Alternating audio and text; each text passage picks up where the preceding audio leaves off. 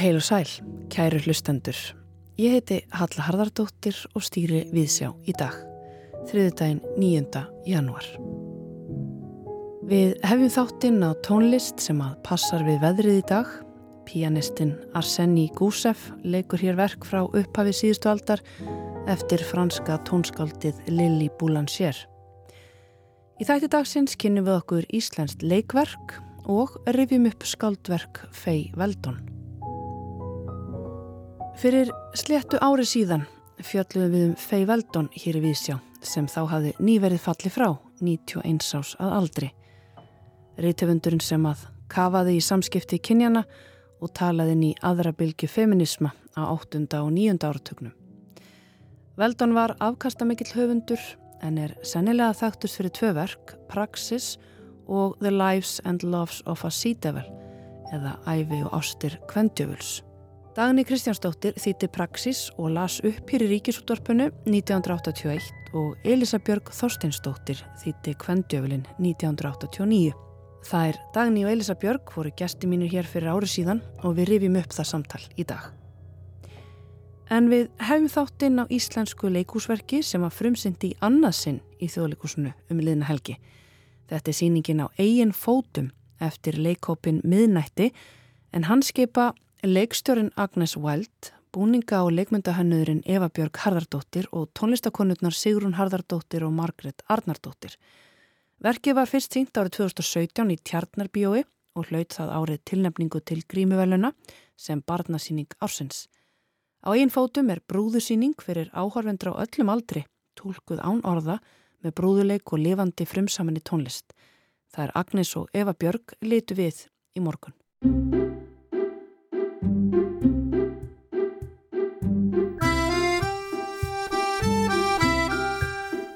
Verðið hjartalega velkomnar Agnes og Eva Björg í Vísjá. Takk fyrir, takk fyrir. Og til hamingi með frumsýningu nr. 2 á Já.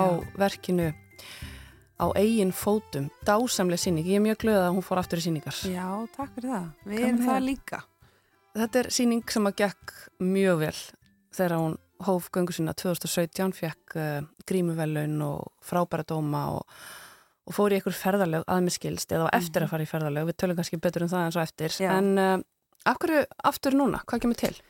Sko í rauninni ástæðan fyrir við gerum þetta aftur núna er að við erum á leiðinni í ferðalag með síninguna. Við erum að fara til Japan í sömur með þessa síningu og uh, þurftum í rauninni bara að æfa hana upp og að því við hefum ekki snert á henni lengi að því að það voru badneignir og heimsfaraldur og stríð og alls konar sem var til þess að við gátum ekki farið. Við ætliðum að fara fyrst í þess að ferð 2019 en hún er búin að vera alltaf að færast um ár.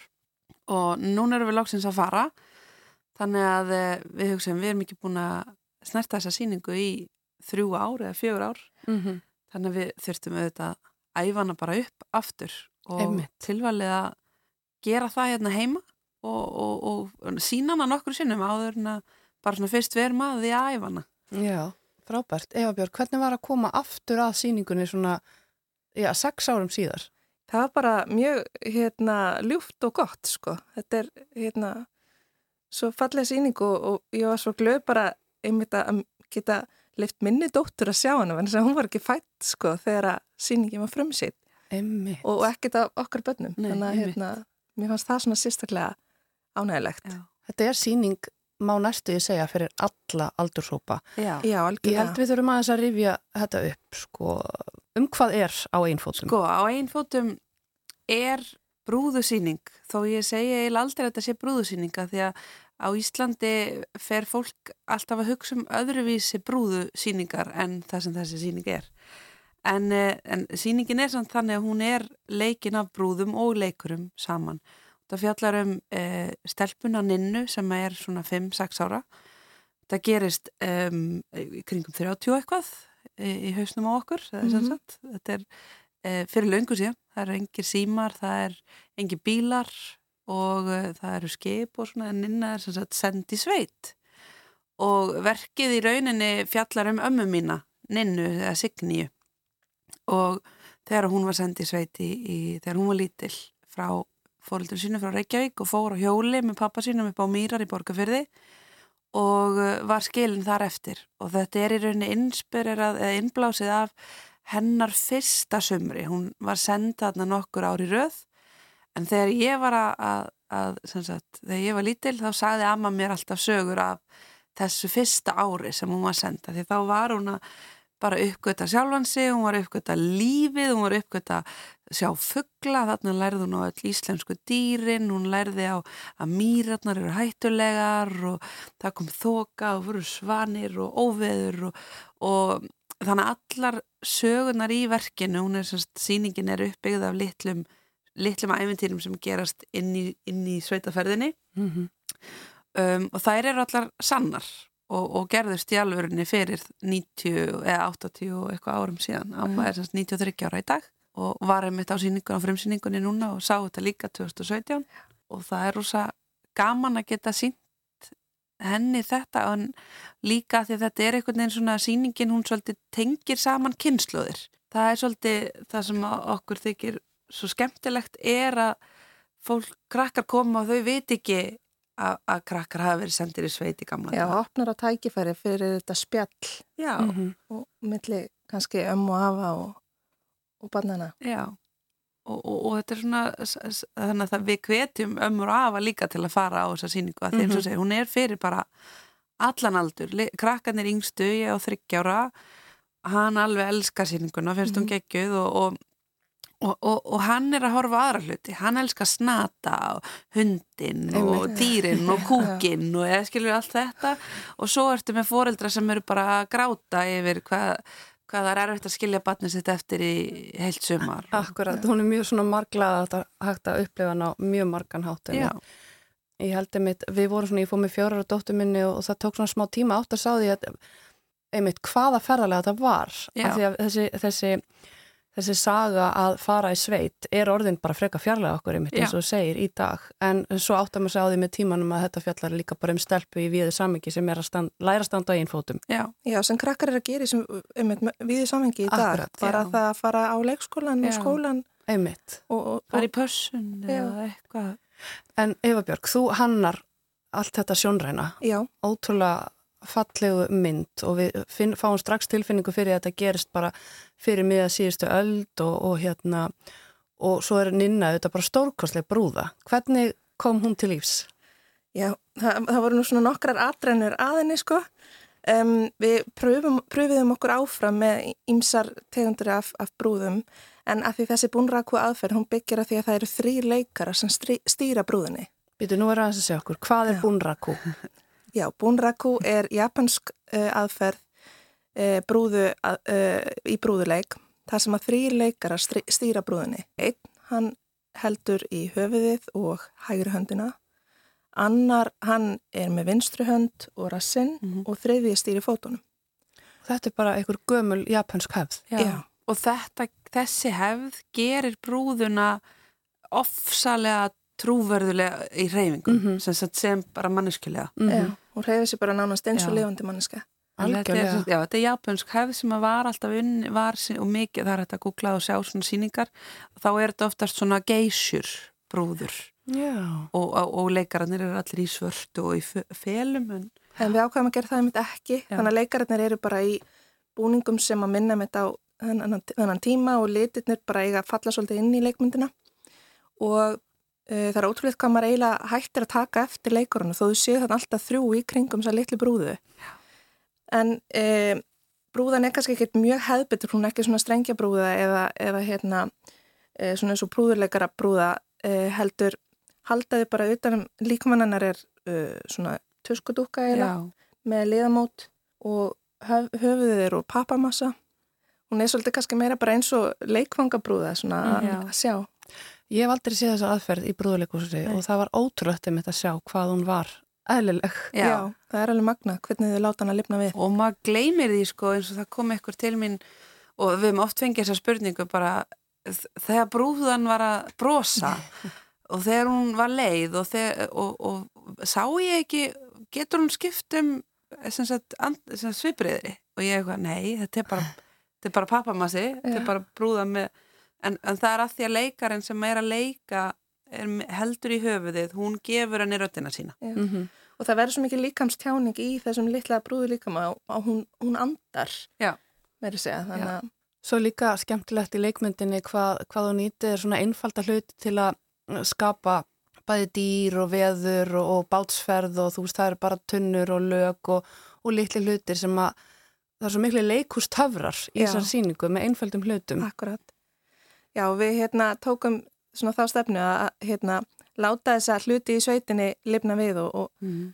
og við erum einmitt með fötur sem að verða kálfshöfði og, og hérna Og hundurinn er bara skór. Já, skór, teppi. og það sem er það sem er, þessi síning á svo æðislega er að við vinnum miðnætti hópurinn sem setur hennar, þessa síningu upp.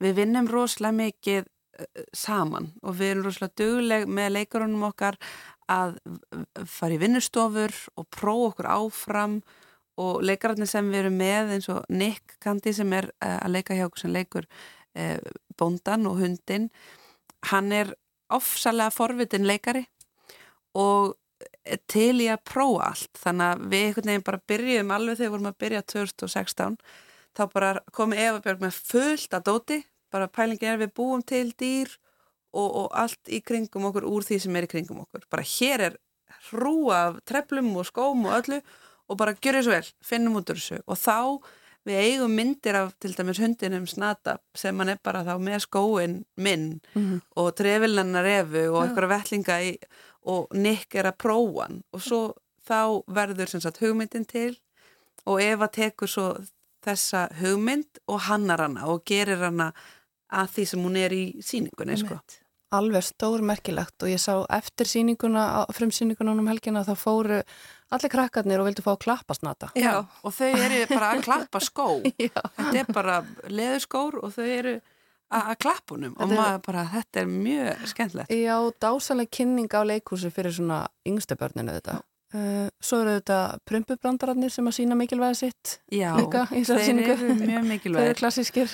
og eh, sko þeir, og þeir eru þarna af sem sagt það eru tvö, þrjú skipti þar sem að eitthvað dýr kúkar en, en það er sko það er svo mikið náttúran og, og fegurðin í sveitinni Mhm. því að það er rosa fyndið og fer í sveit og sér kú lift upp sko, halanum og, og, og það er svo mikil upplifin þannig að það er líka mikilvægt þetta er ekki, ég myndi ekki segja að þeir verið tilgangslausir Nei, alls ekki. Svo eru þetta ekki hægt að hérna, sleppa að nefna tónlistina sem er Já. alveg stórkostleg og Já. svo gaman að hafa lifandi tónlist Já. í, í barnaleikusi. Algjörlega og það er sko, það, það er Margrét og Sigrún semja alla tónlistina í verkinu og flytja hana á sviðinu live og uh, nota svo eitthvað sem heitir loop pedal þar sem að þú gerir ein, einn ring af rithmanum og svo tekur upp næsta ring og þá svona endur tekst alltaf aftur, aftur, aftur. Þannig að þá byggir upp hægt og rólega e, tónlistina. En vegna þess að, að það er ekkert tungumál, það er, ekki, er engin orð í síningunni, þau segja eitt og eitt orð, en þá er tónlistin tungumál síningarinnar og það eiga allir karakterandi sinn, sitt temalag Temalag, já.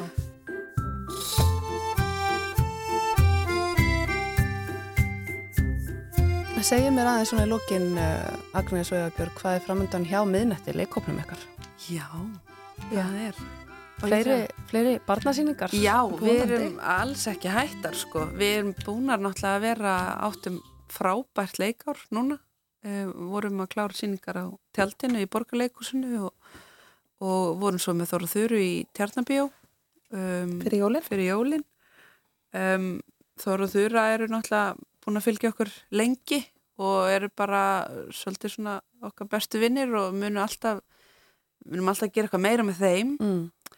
Um, já og svo erum við bara að- að- með alls konar anga úti og, og vonandi búum við til eitthvað nýtt. Við erum all, alltaf að byrja að vinna og, og skrifa og, og, nýtt verk sem við viljum nú ekki segja frá. En, en, en spenntar eftir, styrk útlutum. já, það er náttúrulega þegar maður er sjálfstæð- sjálfstæðstarfandi listamæður þá þarf maður að byrja eftir að sjá hvort að maður fái styrk fyrir uppsetningunum sínum. Mm Þannig að við erum svolítið bara að byggja eftir að fá að vita það, hvort að það verði og ef ekki það, þá finnum við okkur eitthvað annað að gera eitthvað neginn. Við erum rosa duglegar að búa bara, búa til eitthvað skemmtilegt. Já, það verður allavega vonandi eitthvað. Já, algjörlega. Takk innilega fyrir kominu við sjá og til hamingju aftur með á eigin fótum. Takk fyrir. Takk fyrir það.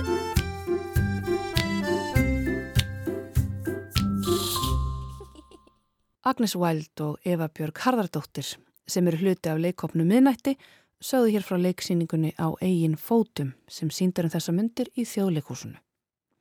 En þá ætlum við að fjallum rítöfund sem að fjall frá við upphaf síðast árs, Fei Veldon og við rifjum upp einslag sem að fluttir við sjá fyrir akkurat árið síðan.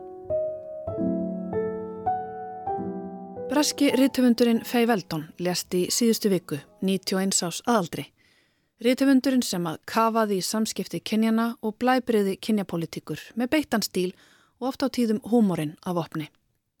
Veldon var afkastamikill höfundur en hún er sennilega þekktust fyrir tvö verk, Praxis og The Lives and Loves of a She-Devil eða Ævi og Ástir Kvendjöfuls, bók sem að varðað breskri vinsætli sjómaserju og Hollywood-kvikmynd með þeim Meryl Streep og Roseanne Barr í aðlutörkum. Veldón var fætt á Englandi 1931 en ólst upp að hluta til á Nýjasjálandi. 1946 flutt hún aftur til Englands með móðu sinn og sýstur þá 15 ára. Sjálf líst hún sér sem þjættu og hafmyggisum með barni. Saðist hafa fæðist stórbeinótt inn í fjölskyldu sem var fulla fárum og fíngerðum konum. Móðurinnar taldi henni snemma trúum að besta leðin fyrir hana væri að standa sig vel í skóla og læra að standa á einn fótum því enginn ætti eftir að vilja giftast henni. Veldón lærði sálfræði í háskóla en fann sig aldrei neitt sérstaklega í náminu. Hún giftist ung, átti barn og skildi, vann hinn ímsu störf þar til hún fekk starfa á auglýsingastofu og byrjaði að skrifa texta. 1963, þá 32 ára, byrjaði Veldón að skrifa skaldskap fyrir útvarp og sjónvarp og fjórum árum síðar kom hennar fyrsta skaldsaga út, The Fat Woman's Joke, eða brandari breyðvöksnu konunar í þýðingu steinunar Þorvaldstóttur frá 1989. Eftir það hætti Veldon ekki að skrifa og var ótrúlega afkastamikill höfundur, gaf út yfir 30 skáldsögur, auk smásagnasafna, auk þess að semja fjölda leikrita og sjómaserja. Hún gaf sér einni tíma til að giftast þrísasinnum og eignast fjóra sinni. Bækur Veldon fjalla margar hverjar um reynslu og hugarheim kvenna, eða eins og hún saði sjálf, þá fjallar um venjulegar konur í yfirþyngd sem jafnan eru öllum ósynlegar. Snemma á ferlinum lísti Veldon því yfir að hún var í feministi, enda hvernig gæti hún annað eftir að hafa hort upp á hversu fátækifæri byggðist konum miða við Karla. Einni pyrraðana svo mýta að Karla rætti að vera fyrirvinnur heimilina og að konur rætti að vera sætar, halda kæfti og vera heima.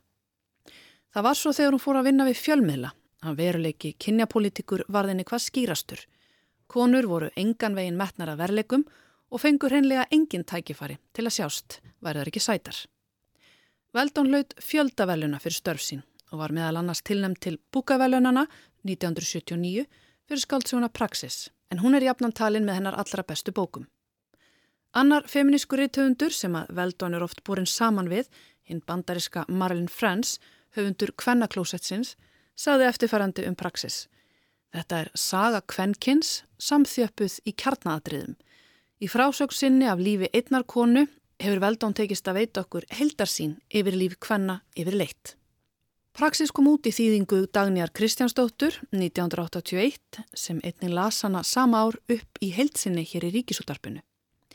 Sálestur vakti heilmikla aðtekla á sínum tíma og skapaði heit skoðanaskipti um erindi praxis við almenning og þess sem að sumur kölluðu klámfengin og tilgangslausan teksta. Meira því síðar. Allra frægasta verk Veldón er frá 1983, The Life and Loves of a Sea-Devil eða Ævi og Ástir Kvendjöfuls í íslenskri þýðingu Elisu Bjarkar Þorsteinsdóttur frá 1985. Bókin var gífulega vinsæl, BBC umbreytti henni í vinsæla sjómasörju og hún gerði Veldón að superstjörnu þegar henni var umbreytti í Hollywood kvikmynd 1989. Auk kvendjöfulsins og praxis hafa komið út í íslenskri þýðingu skaldsagan Sveitasæla árið 1992 í þýðingu Guðrunar Túlinius og Bulgari sambandið árið 2004 í þýðingu Þórunar Hjartardóttur. Þar að ekki hafa nokkrar smásugur og útarsleikrit verið þýtt og flutt hér í ríkisútarpinu.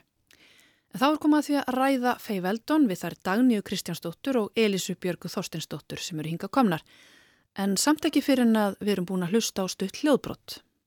Praxis var tilnæmt til búkavelunana í Breitlandi eins og áður sáði og fekk almennt góðar viðtökur gaggrinnenda. En sumir voru ekki parhrifnir af henni og nokkur úr þeim hópi viðröðu skoðanir sen er í lesendabrefi Morgumblasins 1981. Árið sem að þýðandin, Dagni, las hana hér í ríkisótarpinu. Heiðraði velvakandi. Nokkrar umræður hafa orðið í dálkum þínum um miðdegi sögu þá er nýlega hefur verið lokið við að lesa í útvarpinu.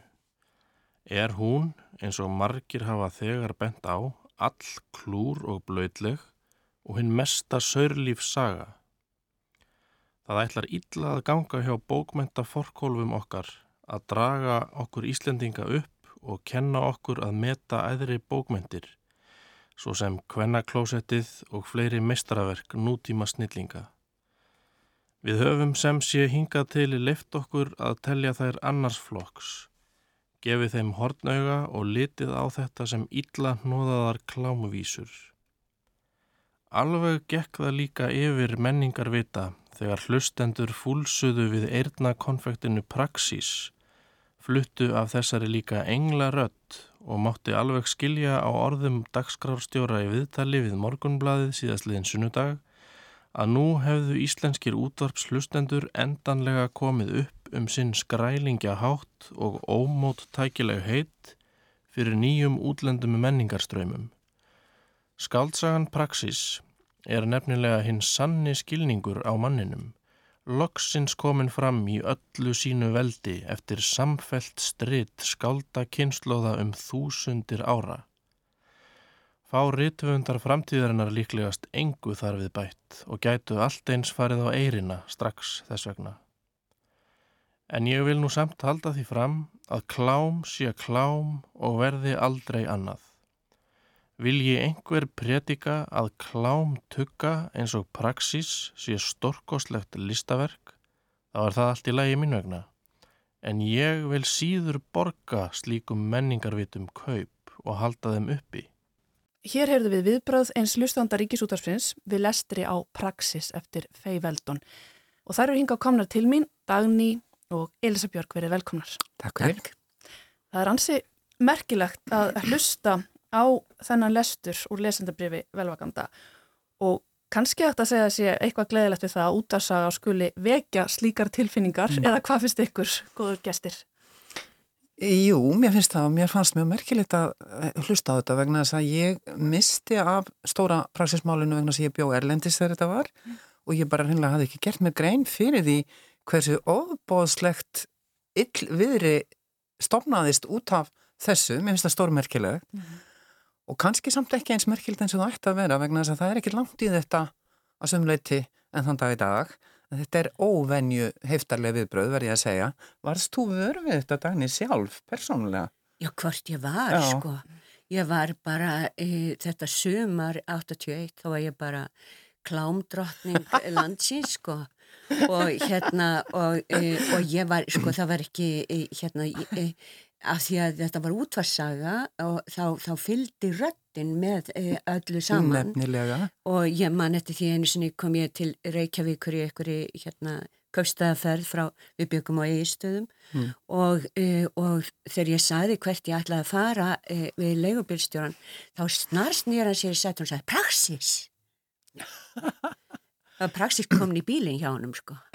og hérna og, og eh, við fjöllum saman þar ég og, og, og bókmæntapersonan en, e, en það var líka þetta var líka bara e, e, þetta bytnaði náttúrulega á fjölskyldunni mamma tók svolítið nærið í sér þetta skýtkast í, í velvakanda og Og, uh, og svo bara hérna uh, gæt maður búist við hverju sem var sko. mm -hmm hringingum á næturnar og, og, og líka sko við, eins og ég segi, við kendum á eistöðum og við byggum á efstuhæði í, í nýju fjölbílishúsi þar sem að kennarar, fleiri kennarar byggu. Við höfum eitt sameigilega síma og það var enginn sem vissi eh, hérna númerið hana. Er samt tókst einhverjum fullorðnum manni að brjótast í gegnum þetta allt saman og ringi í mig og auðsa yfir mig slíkum óþvara að það var bara, ég, ég var skítrætt bara. Þau trúa því. Það er svo, það er svo, það er svo óþægilegt að hlusta á svona, svona fúkeriði. En hvað haldið það hafi er verið sem að, sem að allir þessari miklu heift? Af hverju vakt hún svona mikil viðbröð? Kanski vegna þess að þetta var, ég veit ekki, í fyrsta skipti sem að fjalla var um þessi málopinbili og útvarpin náttúrulega á þeim tíma með fullri virðingu fyrir útvarpin í dag, það náði til bókstaflega allra Mm. og það hlustuðu allir á útvarpið, sama hvað var. Þú komst ekkit undan hvort sem þú vildir eða vildir ekki, held ég, sko. Mhm. Og ég held bara að, engum og sérlega í kalla náttúrulega, hafi þeir hreinlega ekki verið vanir því að hlusta á eitthvað skonar hversu vel útbúna gaggrinni á sjálfa sig, sko. Mhm. Og Nei, það er það spurning er- hvort þeir eru það núna. en Það hefði heldur aldrei sko verið, e, e, verið fjallað um kynlíf e, kven, hvorki kallan ég kvenna, þetta var mjög siðbrútt útvar. Fyrir nú, utan það. Já, en hérna, þannig að þetta, þetta var, það er svo merkilegt þegar ég, e, þegar ég var að þýða bókinu og þegar ég valda hana til þýðingar, þá kvarlaði aldrei að mér að þetta, Þetta gæti verið eitthvað, eitthvað vandamál Nei, Mhm. vegna nei, nei, að, að þetta, nei, nei. Það væri ekki hlustendur ef að þetta væri ekki bara praktísirað í, í svefnherbyggjum landsins. Svo leys að þetta, hérna, ég bara, í- í- það sem ég held að yrði, yrði, í- myndi kosta kannski fjara fók var, var í, barsmorðið Já, í já, lokin. já, já, það er kannski hefði nú verið svona skiljanlegra. Já, og, uh, og hérna, og, og fleira sem, sagt sem að, að mér fannst vera mjög uh, magnað og stert í bókinu, mjög augrandi líka, sem að aldrei var opnað. Þetta er kannski eitt af fyrstu skiptunum sem að hugarheimur kvenna þarna opnast bara. Já, Já, og hann hafði auðvitað bara verið falinn og það er það sem hún gerir auðvitað í sínu höfundaverki. ég er nú bara rætt um það. Já. Öllu meira og minna lengi framann á allavega, sko. Já, já. Þannig rifjaði hans upp fyrir okkur uh, svona um hvað praxis fjallar. Praxis segir frá, uh, frá tveimur uh, litlum systrum uh, eða aðalega Praxis og uh, systur hennar sem heitir Hypatia og þetta eru grísknöfn uh, Praxis uh, þýði það að breyta kenningu í, að raungera kenningu, að breyta, breyta kenningu í Praxis. Og Hypatia var uh, frægur heimsbyggingur Mm á sínu tíma 350 fyrir Krist nei eftir Krist. Og hérna uh, og platonisti. Svo þess að þetta er nú ekki, ekki, smá nöfn sem sýsturna bera. Mm. og gefin af geðveikri móðu þeirra Lucy sem að uh, verður uh, æbrjálar og rekur frá sér tekur elskuga og rekur þá frá sér og uh, fyrsti sem fíkur er faðir stelpnana þannig að það er alast upp föðulausar og, uh, og, og óskilgetnar í raun og veru því að fóreldarna er ekki gift og þetta lítar alla þeirra æfi vegna sem mamma, hennar, mamma þeirra heldur þeim frá skólum og fleira og fleira. Praxis er stálgreind og fer í háskóla en röklast þaðan út vegna þess að hún er tekinn sama við e, e, mann sem verður fyrsti eiginmaður hennar, hún giftist þrísvar og hún eignast tvö börn og yfirgefið þau elur upp þrjú börn sem hún á ekki, lifir í skrautlegu lífi fyrir gegnum allan skalan á eftir, eh, fyrstu eftirstíðsárunum og, uh, og þetta er semst örlaga sagapraxisar sem er jafnframt analýsa á, uh, á uh, kjörum og, og, uh, og, og hugmyndaheimi og, og viðþorfum hvenna á tímabilinu 1940 cirka til kannski 60-70. Þannig að það, þetta tekur allar um, umbreytingarnar þegar e, gamla feðraveldir að liðast í sundur. Og einu vil ég beita, bæta við í, í, í, til viðbútar að bókin er alveg rosalega e, fröðleg og flott e, greining á e, samfélaginu á þessum tíma. Á Breitlandi á þessum uh, tímum uh, fyrir stríð, mm lokkreppunar og eftir stríðsárunum uh, og þegar maður kemur til Breitlands og, og, og kynnist breskri sögu og menningu, þá sér maður sko einhvern veginn, veitir praxismanni svo því líka insýn í fátaktina sem að ríkti eftir stríðið Mm -hmm. og, e, og eimir af ennþá í húsunum og fleira. Hún er ekki bara að tala um stöðu konunar, hún er líka að tala um stjættapolitík. Já. Mjög og það er bara yfir höfuð í bókunum hennar finnst mér og það sé kannski meira undirlikjandi sko. Þannig að í praxis þá kjarnast bara saga hennar vestrannu konu á 2000-öldinni í rauninni. Að mörgu leiti. E, já, að mörgu leiti. Já. já. Einmitt. Þú lesa hana líka, Elisa? Ég las hana, það er orðið þó nokkuð síðan sko, mm -hmm. en já, ég las hana.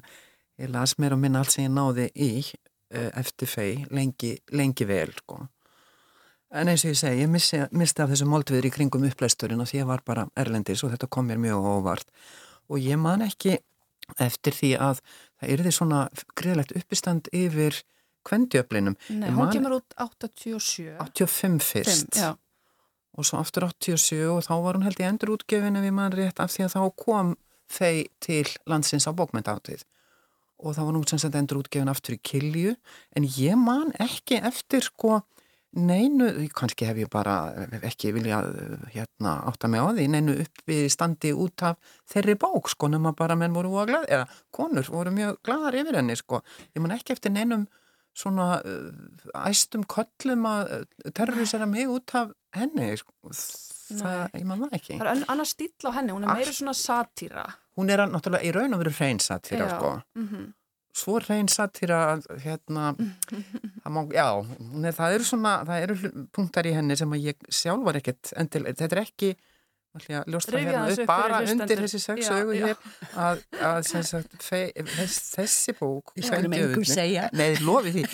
Þetta er ekki uppáhalds fei veldambókin mín endilega sko. Mm -hmm. og það var ekki ég sem valdana, þetta bara kom til. Mm -hmm.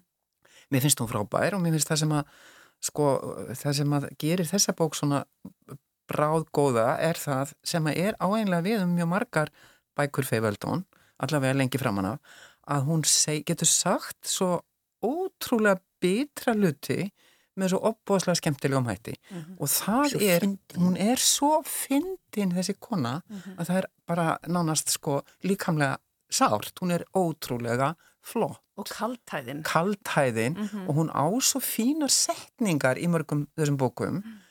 Það er einn sem að ég bara rakst á, ég var eitthvað að byrja að fletta kvendjöflunum aftur sko á íslensku og rakst á eina setningu sem ég er að hugsa um að Nei, ég ætla nokkið að gera hana kannski að, að hérna, einhvernar orðum mínum en mér fannst hún svo fín, hún passar svo vel við e, innihald þessara bókar, hún er á þessar leið, sætla er að hata en sirkja.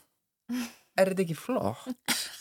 Ég er ekki að mæla með þessu, en þetta, þetta kjarnar eiginlega bókina Já, algjörlega. Um þetta kjarnar hana algjörlega og það varð svolítil umræða um það, e, sá ég, e, að hvað vakti fyrir henni Já. með þessari bók. Já. Elisabjörg, þú var reyna að rifja aðeins upp. Já, ég skal reyna að vera bara snakkarlega með þetta. Þessi bókfjallar sem sagt um, aðalpersonan heitir Rúð uh, og er náttúrulega eðli málsins samkvæmt kona. Hún er mjög stór, hún er sko risavaksinn og þykir ekki smáfríð. Hún á hins vegar lítinn og laglegan mann sem að heitir, og mér finnst það líka eitt sem að verður að koma fram hvað hún er snjöðlega að velja nöfn á personunar sínar hún fei. Þessi kall sem er Róla, algjör Róla, hvað er þetta hann heiti? Hann heiti Bobbo. Er hægt að heiti eitthvað vandræðilega?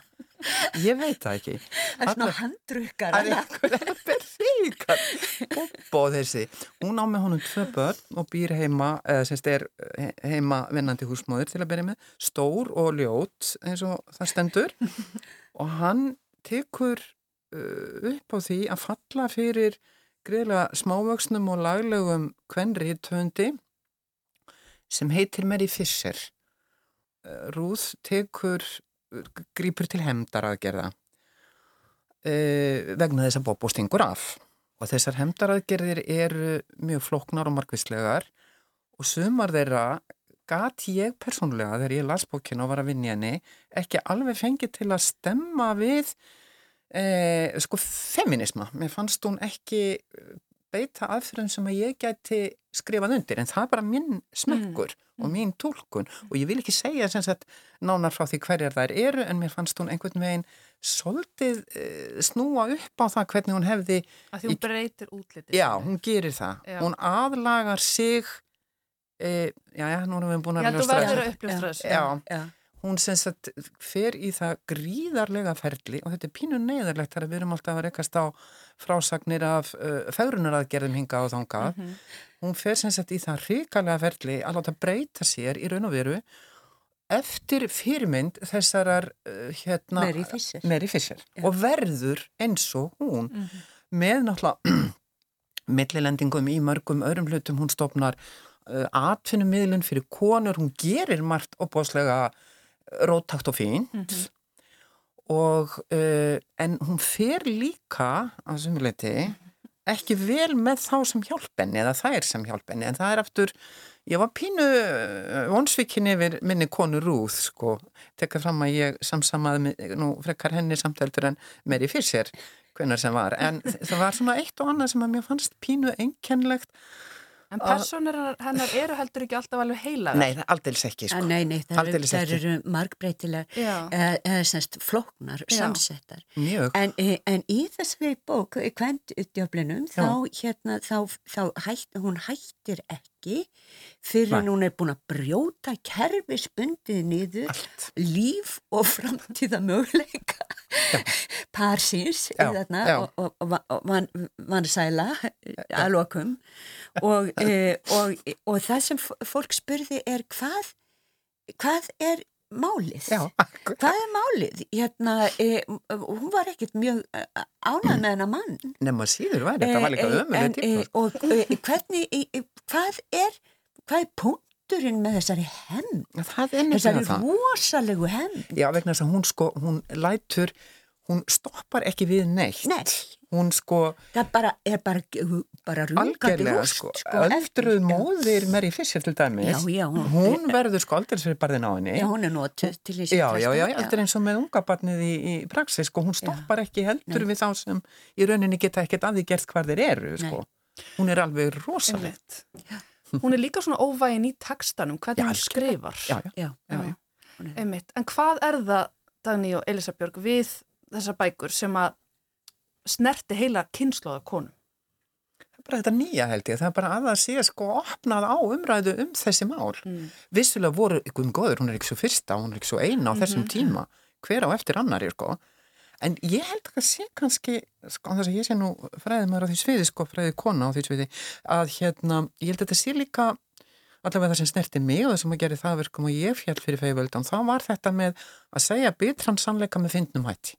Já, það, það, ég get tekið undir það, en það er líka, sko, ég, ég hef séð eh, nokkuð ofta að, að það er verið að bera saman kvennaklósetti Mjög og, uh, og feiveldon. mjög oft vítæði það. og, uh, og það finnst, ég, ég er mjög ósátt við það vegna þess að, að uh, Mer Merlin Frens sem skrifaði kvennaklósti, hún er, hún er að skrifa um eina konu Ak- og, uh, og hún er að skrifa á einstaklingsgrundvelli eða með eina aðalpersonu þjáningar hennar og, og, og lífsreynslu og, og álíktanu og svo framvegis framvegis Feiveldon er alltaf að skrifa um samfélag.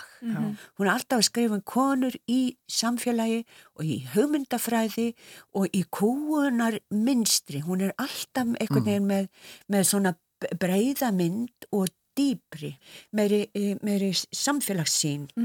Já og svo tekur hún líka fyrir emmitt eins og segir sko konur af hinnum ímsu stjettum sko Já, og margvíslegum hópum Já. og bara Og mjög, sérstaklega fátakakonur Ekki síst. að- að bara sérstaklega fyrir bók, já. Já, mm -hmm. þegar, þegar praxis til dæmis fer út í vændi þá gerur hún það vegna þess að eiginmaðurinn er svo nýskur að hann lætur hana alltaf, sko, hann lætur hana bara fá smjör og halva brauðsniðina vegna þess að það er alveg nóg fyrir hana og þetta, þetta, og þetta man, manni finnst hann og hann kaupir, kaupir á hana föt í, í hérna búðum í, hérna hjálpræðishersins Já.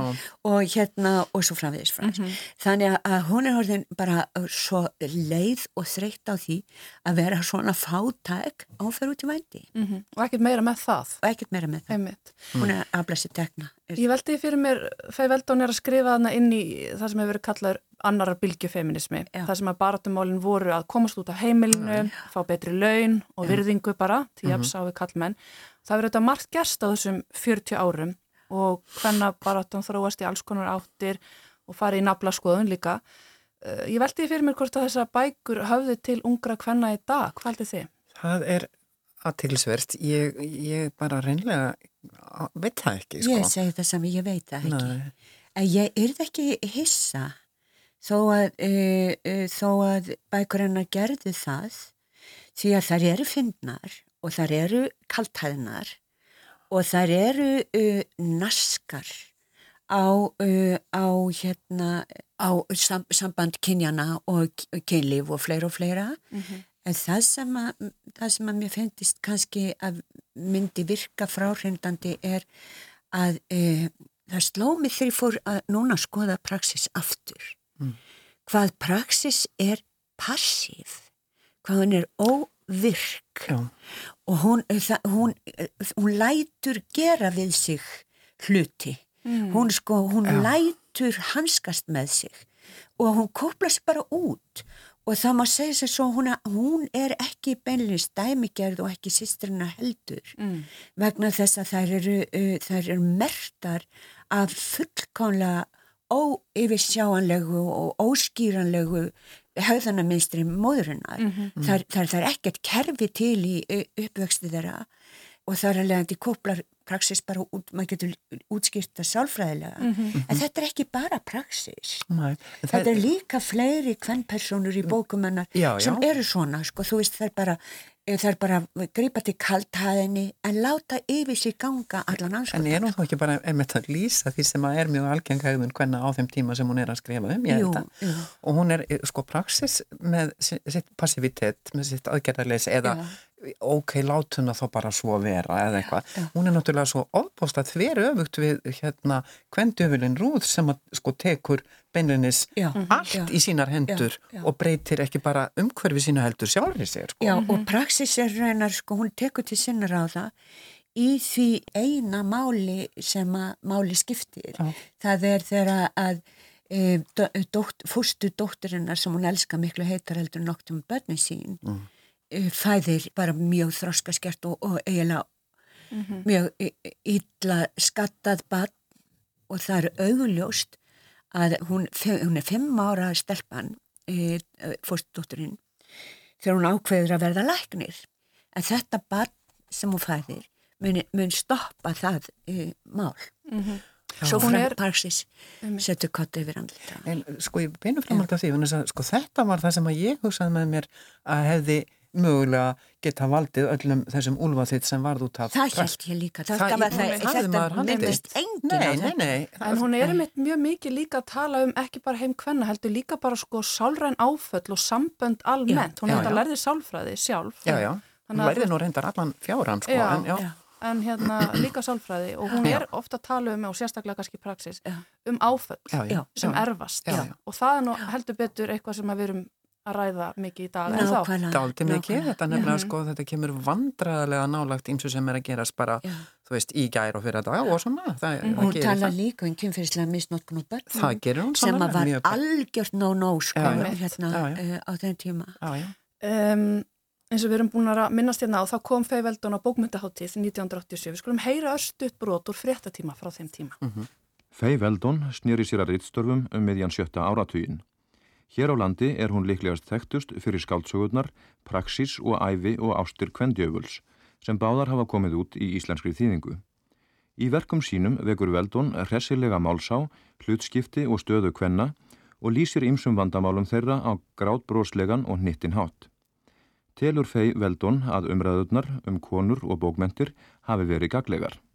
Oh yes, I do. It's, it's, it is it was brought home to me today, I think, in the panel, which was extremely interesting for me to, uh, and I think, I hope for the audience, but certainly for, for, for writers to understand writers from other cultures, uh, to have new ideas, to, to uh, get a new, a new look at, at, at, at one's own literature or what one writes about. Já, þær voru það og Pattbors umræðarnar voru sérstaklega áhugaverðar bæði fyrir áheyrundur og sérstaklega fyrir okkur rittjóndana. Það var gaglegt að kynast rittjóndum frá öðrum menningarsvæðum og fá nýjar hugmyndir og nýjar sín á eigin verk. Í umræðinni um konur og bókmentir var meðal annars fjallað um mismun á karlrithöfundum og kvenrithöfundum en hver er sá munur? Well, universities argue over this matter a great deal, and I'm just a woman writer. Uh, but certain, yes, I think I see myself as as as rather different in that I am prepared to acknowledge that my readers are, for the most part, women. Now, uh, in our Western society, women are somehow seen as inferior to the male, and that therefore what a woman does is not as valuable as what a man does. Uh, Það er deilt um þetta atriði í háskólum. Ég er kvenrið höfundur og er að því leiti öðruvísi að flestir lesendur mínir eru konur. Í vestrænum þjóðfélögum er litið á konur að einhverju leiti sem óæðri karlmönnum og því eru verk konu ekki talin eins mikilsvirði og karlmanns. Ég er rithöfundur og skrifa ekki fyrir gaggrínendur heldur lesendur og ef þeir meðtaka bækur mínar og taka mig alvarlega þá skiptir það ekki svo miklu máli hvort ég er karlmaður eða kona. Við heyrðum hér fréttamannin Þorvald Fridriksson ræða við Feiveldon og hann kom þannig inn á heitt deiluefni þess tíma. Þá spurningu hvort að munur sé á kvenn og karlhöfundum. Þetta er sannlega spurning sem að enn er verið að klíma við í nútímanum, eh, ekki satt? Það Dæni. held ég að við getum verið sammála um. Jú, eh, við getum verið sammála um það eh, en, en hins vegar þá er það er svolítið aðtiklisvert að Fei Veldon hérna hún, e, e, e, þegar hún, hún er spurðið mitt í þessu viðtali og í, í kringu þessu bókmyndaháttið um munin á, á bókmyndum kynjana þá vil hún ekki meina það sem hún vil ekki ræða það mm -hmm. Já, hún fer, svolítið undan fer undan í, í flæmingi og þar að auki þá er eins og hún sé að taka bara uppeyju um, í femi, feminískum feminíska afstöðu vegna þess að hún fyrir að vorkjana kallmennum óulega Já, er mitt Já, hann er setna tíð. Já, já, og hérna og, um, og tala um að feminismi sé konar villugötur konar vilja fá allt.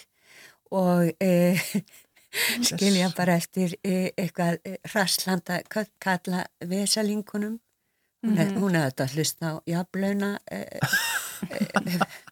málinn í, í gerð, já, já, já. en, e, en sem sagt, e, ég held að margir e, hafi ekki skilið e, bofsi hvað var í gangi, nei, en ég nei. held að það hafi fyrst og fremst verið peningar. Það er sjálfsagt. Þegar hún hann að breytt um kurs í setjum dæfinar.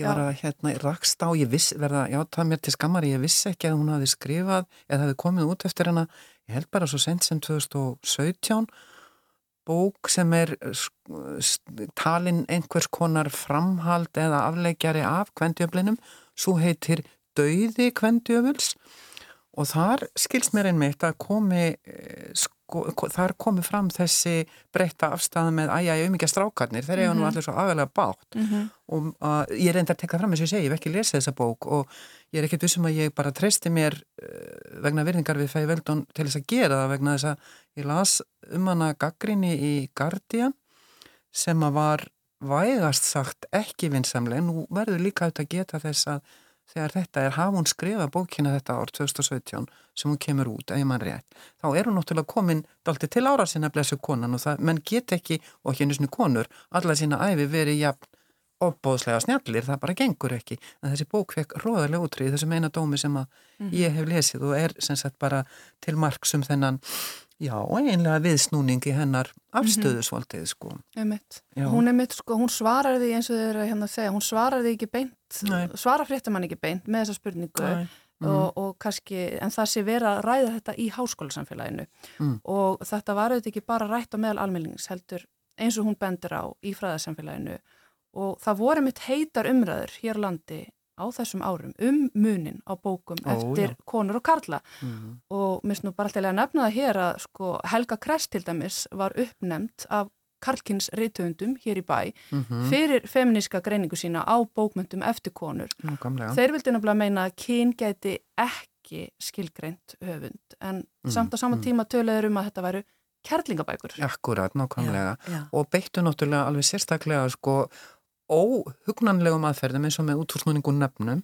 -hmm. og það er kannski nokkuð sem er svolítið eh, vandræðilega ábyrjandi akkurat í nútímanum. Í, nákvæmlega, í hér er að tala um bara sem gerist í vestmannum. Já, akkurat. Að gera bara norðn úr einhverju, einhverju konu með því að breyta nafnuninnar aðeins. Einmi. Og, og, og hæðast, hæðast aðeins. En uh, Fei Valdón segir líka í viðtalið þarna, hún segir að það sé ekki nokkur einasta starfstjætt mm -hmm. í, í, í landinu sem sé hafi hangandi utan á sér eins margar afætur eins og hún segir sko, mm. en það er bara, það er bara þá afleitar atvinnugreinar að rítöfundurinn hann hefur umbóðsmann og hann hefur útgefanda og hann hefur auglísendur sem að þurfa eru að matreiða bækurnar til að seljist oh, og fræðimenn já, já. sem eru að skilgreina þær og, og hann, hún segir sko að hvenna bókmenta kategórian sé tilbúning bækur uh, þeir, þeir, sem hafi ekkert mm. með bókmyndina sjálfar að gera mm -hmm. og þetta sér maður mjög víða í umræðunni mm. líka sko kallar sem er að skrifa konur sem er að skrifa sem, sem er að reyna að berja frá sér eh, stimpilinn massisti eða mm. feministi eða Eða, Þessi rauninni bókmynd á stopnunu sem að skapa þetta? Já, hún, hún, hún segir það sko að það sé vera íta sér inn í einhverja mm -hmm. kategóriu sem að, að, hver einasti skapandi rítöfundur vilji ekki láta að gera við bækurna sínar. Einmitt. Þannig að þetta hefur sko, þetta, þetta er ekki kannski beinleginis antifeminismi eh, en, en hann kemur svo setna hjá henni mm -hmm. finnst mér. En skilgreind hún ekki sjálfa sér til að byrja með með minni það endilega í viðtölum og svona að hún hafi eh, kallað sjálfa sér feminista bara Jú. reynd, alveg reynd Fyrst. það var ekki Jú, bara einhver stofnun sem kom inn í það, hún saði það sjálf Herðið Elisa og Dagni, það var ótrúlega gaman að fá okkur í heimsókn og ræða Fei Veldon. Ég heyri það að hún á stað í ykkar hjörtum allavega. algjörlega, algjörlega. Það var gaman að rifja upp hennar stíl og aðferðir. Takk fyrir komuna. Takk.